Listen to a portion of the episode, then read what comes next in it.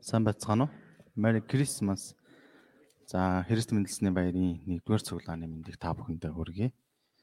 Тэгээ номлол үлдэж хахад жилийн сүүл яг энэ 12 сард нөгөө өнгөрсөн жил та бүхэн бас 2021 он гаргаад энэ жил үзүүлээд үгүй. Ураа тэгээл шийдвэр гаргасан баг. Тэгээд яг тэгж бодсны нэг жилийн өнгөрөөд одоо 26 хоног үлдсэн байна. Тэгээ үлдсэн одоо 26 хоногт эрчимтэй сайн ажиллаад сайн үйлчлэлээр дүүрэн байхыг хүсэж байна. Гол ишлэлийг хамтдаа үзье. За уншия. Тэд хоёул эзний бүх тушаал зааврыг өөгүй дагаж бурхны өмнө зөвхт байлаа. Бүгдээрээ хамтдаа залбирцгаая. Хайртай эзэн минь тэгээ энэ цагтаа хамт байж та бидэнд өөрийн онцгой, ивэл, нэгүсэл бүх зүйлийг бас хамгийн гайхалтайгаар дүүрэн шөөж өгсөнд баярлалаа.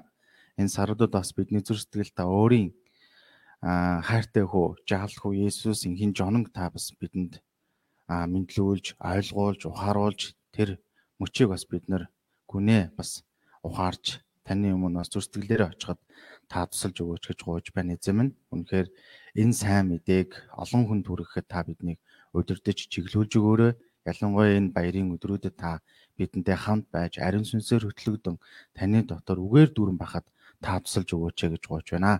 Тэгээ энэ цагийг та бас удирдах хамгаалж өгөөрэй гэж таны хайртай хүү Иесус Христийн нэрээр гуйж байна. Амен.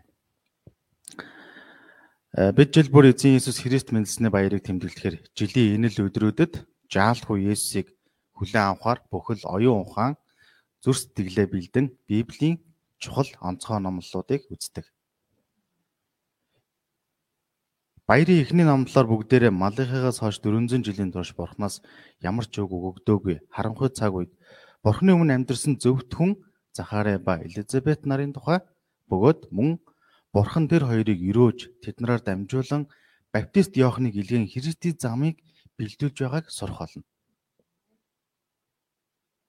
Есүсийн мэндэлсэн нэг л өдөр гинэт болсон зүйл бос орчлын ертөнцийг бүтээхээс өмнө Бурханы төлөвөн дотор бэлтгэгдсэн зүйл юм. Бурхан энэ Есүсийн мэндлийн төлөө хүмүүсийг бэлдэж хэрэгэлсэн.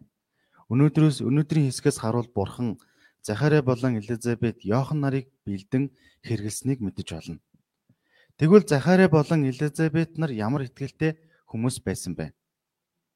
Өнөөдрийн үгээр Бурхан ямар хүмүүсийг авралын ажилд нанднаар хэрэгэлдгийг суралцахыг хүсэн гож байна.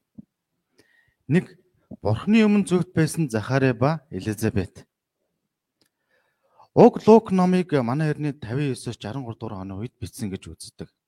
Бичиг болсон шалтгаан, зорилго нь анхны итгэгчид нь Есүсийн тухай болсон үйл явдлуудыг бичиж тэмдэглэсэн эмх зэгцгүй. Энд тэнд байсан учраас хоёр дахь итгэгч болох тэрээр уламжлагдсан ирсэн бүх өчөө гаринд материалд тулгуурлан эхнээс нь нэгтлэн судалж уг номыг дэс дараалан бичих болсон. Есүсийн мэндэлтнээс ахуулаа тэнгэрт одсон хүртлэх түүхийг бичиж дараа нь өөс номонд эзэн тэнгэрт одсноос хойш анхны чуулганы төрөлт ба Есүсийн сайн мэдээ дэлхийд даяар хэрхэн дарахах болсон тухай дэлгэрэнгүй үргэлжлүүлжсэн байдаг. Лук нь эмч мөн түүхч хүний хувьд Есүсийн тухай бүгдийг эхнээс нь сайн нэгтлэн судалж бичсэн.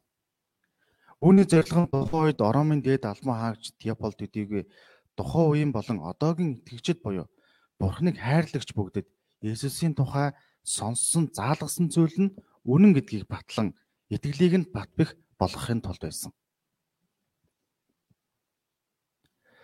Тавдугаар зүйлийг үзэх юм бол Йодын хаан Херадын өдрүүдэд гэжээ.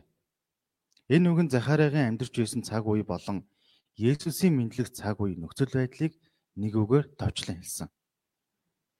Херод хаан нь нэгдүгээр Херод бөгөөд Исавын өр удам тол Едэ хүн бус харь үндэст нь тооцогдно. Гэвч тэр маш залим ихтэй арга зал ихтэй улс төрч тул Ромын эзэн хаан Цэзар Августын сэтгэлийг татснаар еврей биш атлаа Юдын захирагч хаан болон томилогдсон. Херод Юдэчүүдийн сэтгэлийг татахын тулд Иерусалим сүмэс ахуулаад олон нийтийн барилгуудыг бариулсан. Тийм боловч тэр эрх мэдлээ алдахгүй тулд өөрийн эхнэр, хүү, хадам гэх гэх мэт олон хүнийг хороосон харгас нэгэн. Мөн тэр Еди хаан битлэгийн төрсөн гэдгийг мэдээд тэр хавийн 2 наснаас доош бүх эрэгтэй хүүхдүүдийг алсан харгас нэгэн байлаа. Херод улс төрийн арга барилд гарамгаа тул Ромын дэмжлэг дор тэрүүн тахилжийг томилох мөн халах эрх мэдлийг хүртэл авсан байна. Тиймээс шашны удирдагч болох тахилч нар нь улс төржин амьдарч байлаа. Тэд харигс залмигтай Херодын захиргаан дор бодит байдалтай тохиролцсон эд баялаг эрх мэдлийн төлөө хоёр нүртэй амьдарч байсан. Ийм өдөртөгчдийн дор ард түмний амьдралч бурхнаас холдон гэр бүлийн хагарал, архиталт, өвчин зовлон, ядуурал, чөтгөрт эдэмтүүлэх нь илбэг байсан баха. Нэг үгээр хэлбэл тухайн цаг үе шашны улс төрийн эдийн засгийн бүх талаар ямар ч хүсэл найдваргүй цөхөрмөр байдалд байсан. Захариагийн шүлгийг харах юм бол харанхуй ба үхлийн сүүдэр суугсад гэж зөвөрлөн хэлсэн байдаг. Ялангуяа тухайн үед иш үзүүлэгч Малахаас хойш 400 жилийн турш Бурхны үгийг тунхаглан дамжуулах иш үзүүлэгчдийг ч илгээгөөгүй байсан. Сонгогдсон Бурхны ард түмэн боловч тэдэнд Бурхны үг ерөөсөө өгөгдсөнгүй. Бурхан тэднийг зөндөн орхисон мэт байлаа. Бүх дэлхий харанхуй бөгөөд харанхуй хүч хүмүүсийг захиж Бурхны дэнлүүн ондарсан мэт санагджээ. Херодын үе гэдэг нь өөрөө Израилийн түүхэн дэх эмгэнэлт үеийг харуулна. Гэвч бурхан энэ л үед өөрийн авралын ажлыг биелүүлсээр байлаа. Бурхан цаг нь болоход Месияг хүлээж байсан цөөхөн хүмүүст Месиягийн мэндлийн тухай илчилсэн. Тэдний нэг нь Захари болон Элизабет нар юм а.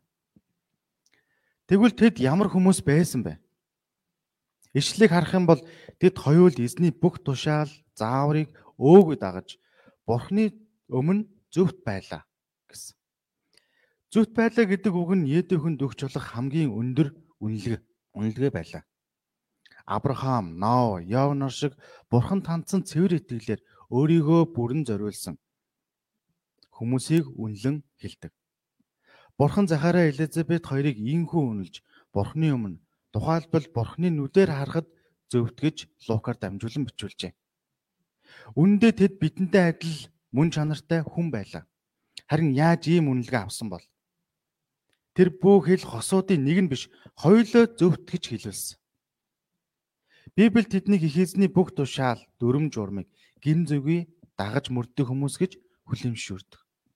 Тэгвэл хамтдаа хэрхэн зөвхт байсныг сурцгаая. Нэгдүгээрт тэд бурхны өмнө амьдарсан. Захараа Элизабет нар нь хоёулаа Аароны удмаас гаралтай бөгөөд тахилчийн үр удам байсан. Тухайн үед тахилчид ихэнх нь садукгүй бүлэглэлд хамааран ус төртөө холилдон эд баялаг, эрх мэдлийг хаан амьдарч байсан. Үүс 23 дугаар бүлгийг харах юм бол тэд амьлалж сүнсний ертөнцийг ч үгүйсгдэг реалист үзэлтэй байв. Тэдний гаднах нь сүсгтэй тахилд боловч жинхэнэ сүнсний хүч чадал байхгүй дэлхийн үзэлтэй байсан. Тэд хүмүүсээс хүндэтгэл авдаг. Бусдын нүдээр харахад атаархал төрүүлдэг байсан ч бурхны нүдээр бол хормоо хүмүүс байлаа. Гэвч тийм уур амьсгалтай нийгэм дундаж Захара Элизабет Элизабет хоёр нь огт өөрөөр амьдэрсэн юм. Тэд бодит байдалтай нийцэн эрх мэдэл бодит ашгийг даган амьдралгүй Бурхны өмнө амьдэрсэн төч.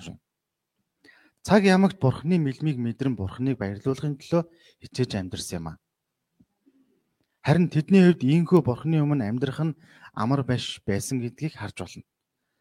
Цаг ямагт алхан бүр бурхны өмнө зөв шударгыг үлддэг амьдрал нь заримдаа ямар ч хүчгүй өчөөхөн мэт харагдана. Сайхан идэж ууж эд баялагтай тав тухтай амьдрах гэвэл хүмүүсийн уур амьсгалтай нийцэн амьдрмаар санагдах. Гэвч тэд хүмүүний амьдралыг ажиглан хардаг, бодлыг нь хүртэл мэдэж хорон мог шүүм зөвхт нэгнийг шагнадаг бурхны нүдийг байнга мэдрэн түүний өмнө амьдэрсэн. Хүмүүс цаг үеийн уур амьсгал ба үзэл бодлуудыг дагахгүй бол бусдаас хоцрон гадуурхагдана гэж бодож айдаг. Тиймд цаг үеийн уур амьсгал ба хүмүүсийн үн цэнтэй гэж тооцдог зүйлийг даган амьдрах нь ашигтай. Харин Бурхны өмнө зөв шударгыг даган амьдрал хохирох юм шиг санагдах итгэгчид олон байна. Боддорч тийм л харагддаг. Тийм учраас Бурхны өмнө амьдрдаг амьдрал нь маш ганцаардмал юм шиг тэмцэлтэй болдог. Уг үнцээрээ бурхан амьд мөн шагнаж гэдэгт итгэхгүй бол ийхүү амьдрах нь боломжгүй. Гэсэн ч жинхэнэ итгэлийн амьдрал нь зөвхөн бурхан бурханы өмнө түүнийг л баярлуулахын төлөө байх юм аа. Хоёрдугаарт тэд бурхны үгийг өөгөө дагдаг амьдралаар амьдрсан. 6-аг дахин харах юм бол эзний бүх тушаал зааврыг өөгөө дагсан гэж байна.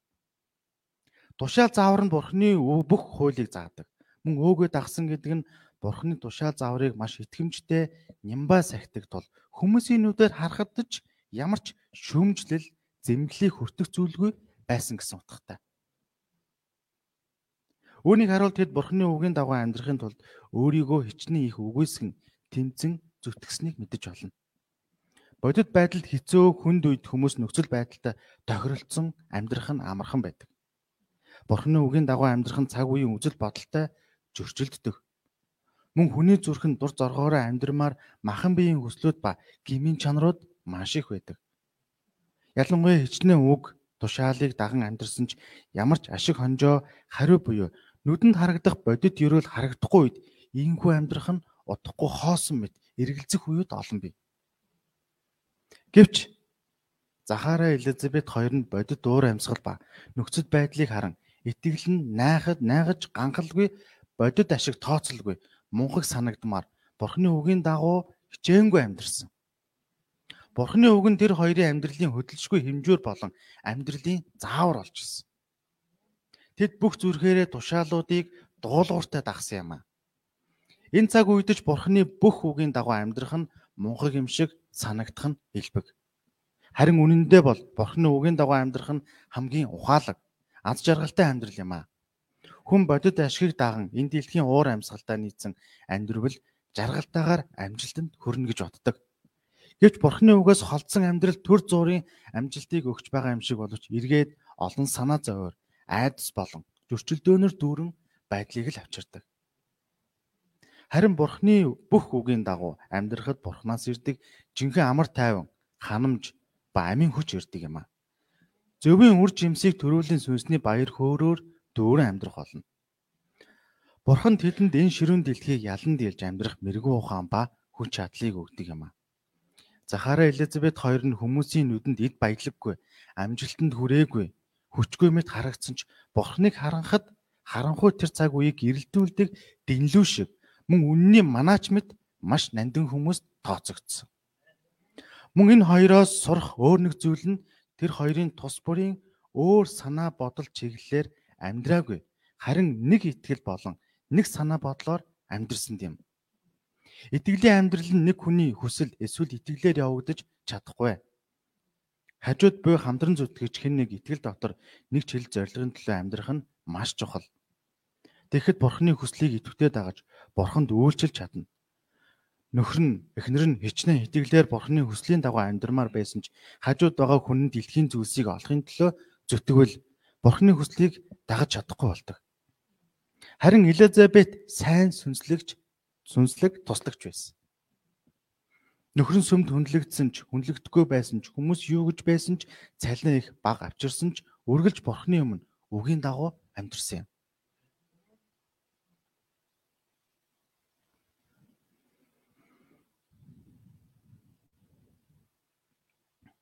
Бурхны үгийн дагуу хуваалцсан магтан дуудуулж Захараа Элизабет хоёр нь нэг итгэл ба нэг зорилгын төлөө Бурхны хүслийг дагаж байсан учраас Бурхны авралын төхөнд тэдний гэр бүл нандинаар хэрэглэгдсэн. Тэд итгэлээр гэр бүлийн ноцтой асуудлуудыг даван дийлж амьдрсан юм а. Уг нь тэд Бурхны өмнө зөвхт мөн өөгөөр даган дагсан бол бодит байдал дээр тэдийн хэмжээгээр маш ихээр өрөөгдөх нь мэдээжийн зүйл юм шиг харагдмаар. Гэвч тэдэнд ямар асуудал байсныг 7 дугаар ишлээс харж байна. Элизабет хүүсэр тул тэд үр хүүхдгөө бас тэд хоёул хөтлсөн байлаа гэж. Тэд бурхны өмнө зөвхтөөр амьдарсан ч ганц ч үр хүүхдгөө байсан ба нас нь хөтлж хүүхдтэй болох хүсэл найдварч бүрэн тасарсан байл. Энэ нь тэдний хувьд ялангуяа Элизабетийн хувьд зүрхийг шаналуулдаг хүнд асуудал байсан. Едүчүүдийн едүчүүд үр хүүхдийг бурхны өрөөл ба өв хүмэн тооцож хүүсэр байхыг маш том ичгүүр гими шийтгэл гэж үздэг байсан. Тиймээс тэдний энэхүү асуудал нь бурханд үл итгэн эргэлзэж түүнээс холдон амьдрах шалтгаан болоход хангалттай асуудал байсан. Энэ асуудлаас болж тэд өөрийгөө буруутган цөхөрч дур зоргоороо амьдрч болох л байсан. Гэвч тэд удаан хугацаанд энэ асуудлыг бурхан шийдэж өгөхгүй байсан ч итгэлээр ганхалгүй мөн бурханд гоморхолгүй харин ч бурханы өмнө итгэмжтэй тууштайгаар үүргээ биелүүлэн амьдрсан юм. Тэд зөвхөн гаднаасаа хийхээсний бүх зарлиг дөрөм журмыг гин зөмгөөс ахаа зогсохгүй даруй төлөв байдлаар үүнийг хийсэн. Тэр хоёр энэ асуудлаас олж бие биенээ хайрлан нэгдмэл болж итгэл нь улам цэвэршин зөвхөн бурханд хүсэл найдвараа тавин амьдрах хүрэхэд хүргэсэн. Энэ осоос бидний сурах зүйл бол тэдний сайн сайхан хийгээд хүнд хэцүү үед бурханд болон бие биедээ үнэнч байх явдал юм. Ийм үнэнч байдал нь совд шиг үн цэнтэй юм а. Совд нь нэлцгээ бидэнд удаан хугацаагаар далайн шуурга, нар салхинд элс цуглуулснаар үүсдэг чулуу. Үүний нэг адил Есүсийн хайж буй зүт байдал нь урт хугацааны туршид амьдралд таарах өвчин зовлон шандрал хийгээд талархал баяр хөөрөөр шигшигдэн ургадаг итгэл үлээ. Бурхан ийм хоёрын итгэлийн амьдралыг таалж цаг нь болоход хамгийн нанднаар ирээсэн. Ийм харанхуй цаг үед Бурханы өгсөн тахилчийн үүргийг итгэмжтэй биелүүлж байсан Захараа тохиолдсон үйл явдал энэ Библиэлд өрнөж байна. Бүгдээр хамтдаа харцгаая. Захараа бүлгийнхээ ээлж ёсоор Бурханы өмнө тахилчийн албыг гүйцэтгэх болсон гэж байгаа. Тухайн үед тахилчдыг 24 бүлгээр хуваан ээждээ жилд 2 удаа 7 хоногийн турш сүмийн ажилд хуваарлдаг байсан байна. Мөн бүлгийн ээлж ирэхэд ажлуудыг хуваарлахын тулд шоддог шоддог байв. Тахилчид нь сонгогдсноор тус бүр гал бэлдэж цэвэрлэх, утлаг уугуулах, тахилын ширээ өргөл өргөх гэсэн гурван ажлыг авдаг байлаа. Эдгээр сүмийн ёслолтондоос хамгийн хүндтэй гэж тооцогддог ажил нь утлаг уугуулах байсан. Харин тухайн үед нэг бүлэгт 900-аас 1000 тахилчтай байсан тул Бурхны өмнө утлаг өгүүлэх ажил оногдох нь насан туршдаа нэг удаа сонгогдохоос ч хэцүү байсан. Тэгээд тооны машинаар ингээд зохиод үзсэн чинь 450-аас 500 жилд нэг тохиож магадгүй байгаа. Тэ насан ч хүрэлцэхгүй. Тэгээ маш онцгой боломж олцсон. Тиймээс энэ үүрэг захиараад оногдсон маш онцгой том өрөөл байсан ба Бурхны онцгой удирдлага байлаа гэж. Утлаг өөгүүлэх нь бүх ард түмний залбирал мөн итгэгчдийн залбирлыг бэлэгддэг. Захараа сүмийн ариун газарт ард түмнийг төлөөлөн залбирахад ард түмэн гадаа зөвхөс залбирал нь бурханд хүрэхин төлөө хамтдаа залбирцгааж байна. Цааш нь үйл явдлыг харах юм бол гинт эзний тэнгэрэл зогсож байгаа нь харагдаж түнд гайхамшигт мэдээг дамжуулсан. Захария бүү чиний гуйл сонсогдсон бөгөөд эхнэр Элизабет чинь чамд хөө төрүүлнэ. Чи түнд Йохан гэдэг нэр өгөх болно гэв. Энд чиний гуйл сонсогдсон гэсэн нь өмнө ч одоо ч сонсогдож байна гэсэн утгатай. Эндээс Захараа Элизабет хоёр тасралтгүй залбирдаг байсан гэдгийг харахад болно. Тэр хоёр 1 2 жилийн турш гуйгаагүй. Итгэлээр 10 20 жилийн турш гуйгаагүй. Харин насан туршдаа өтөлтлөө залбирсаар байсан. Өөрөөр хэлбэл тэд итгэлийн залбирлын амьдралыг зогсоогоогүй гэсэн үг. Элизабетийн нас нь хөтөлж хүүхдтэй болох найдвар тасарсан ч тэд бурхны төгс хүч чадал ба амьдралын эрх мэдэлд итгэн залбирлын уяг таслаагүй.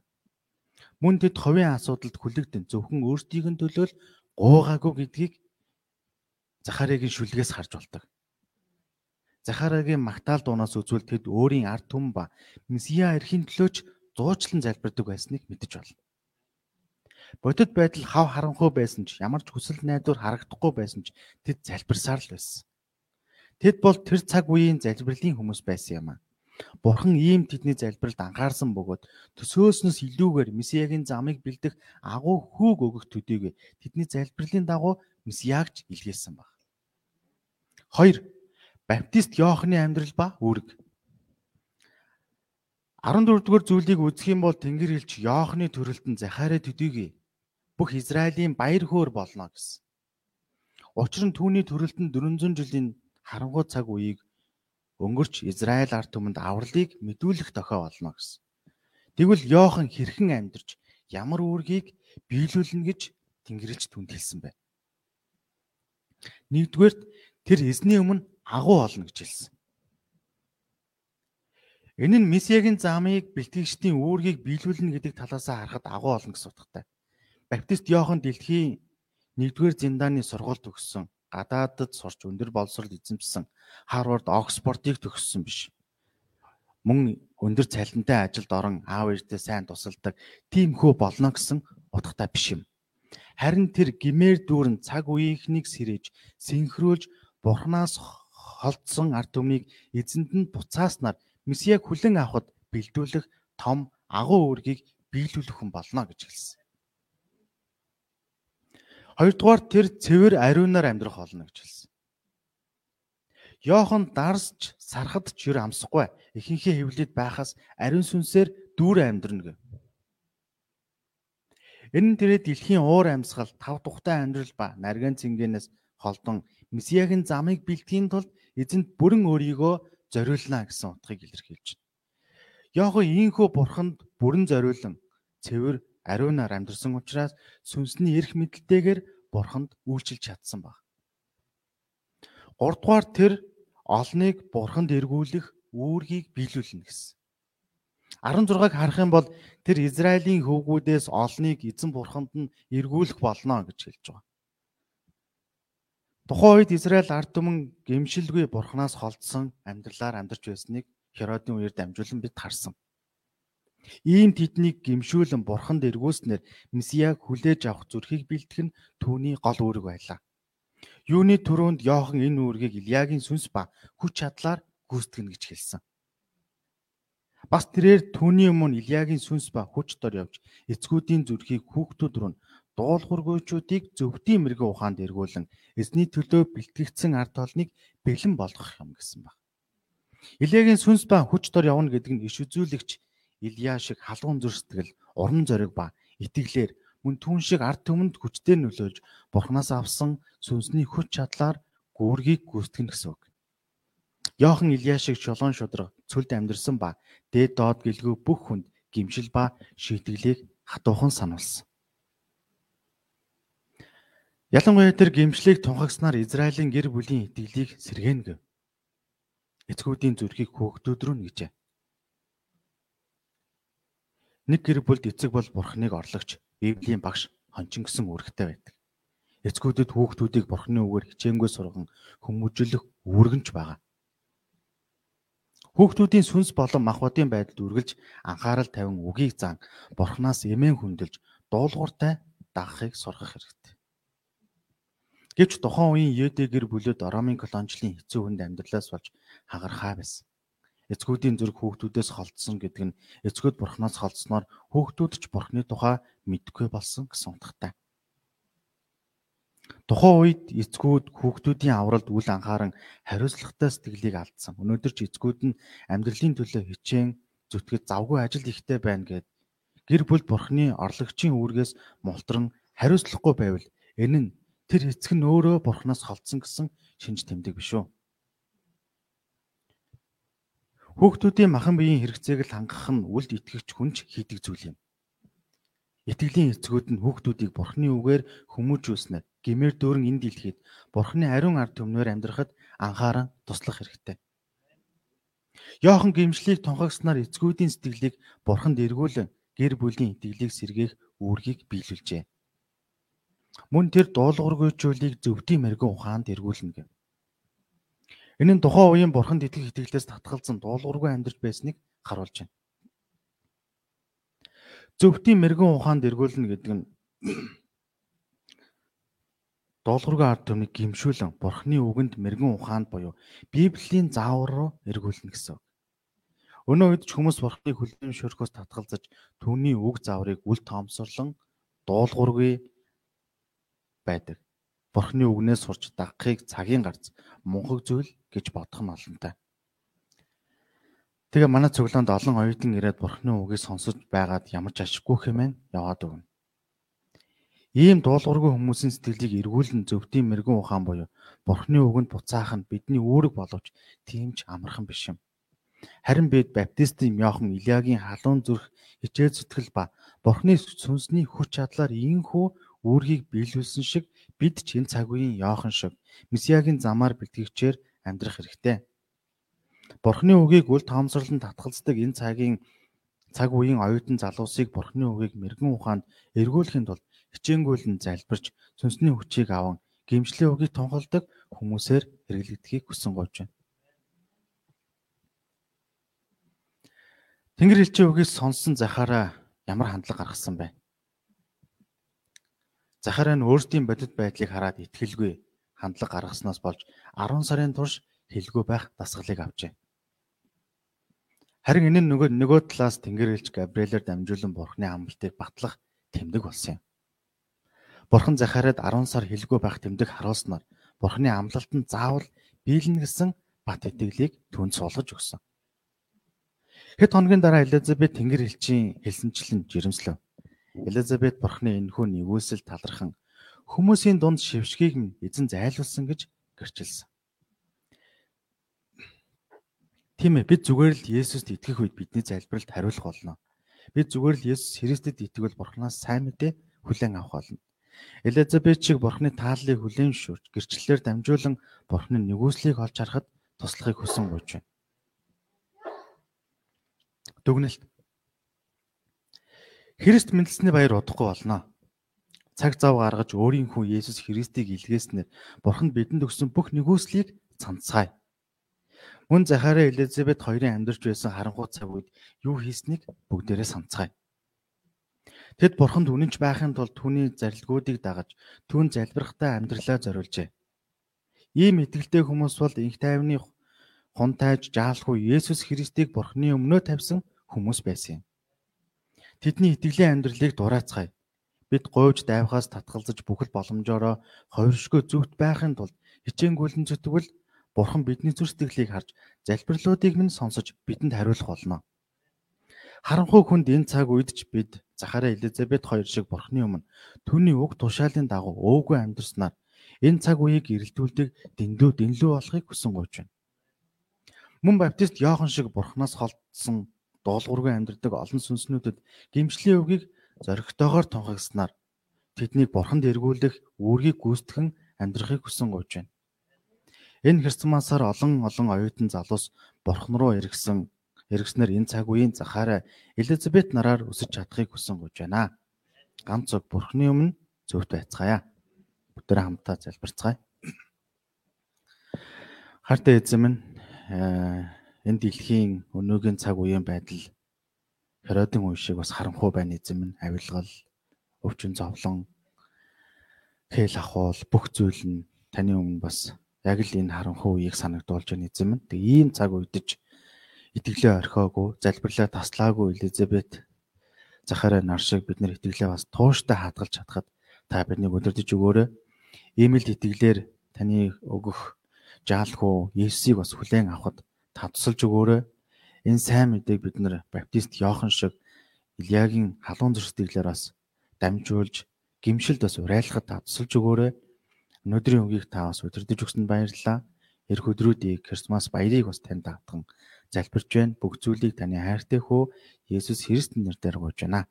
Амен.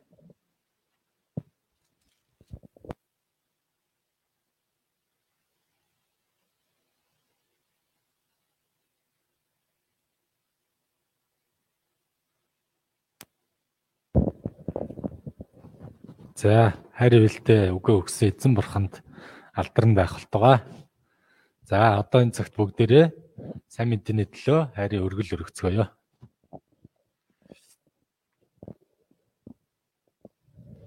За өргөлийн өргөлийн дуу кончид дуулаад аа бурханд өргөл өргөнө.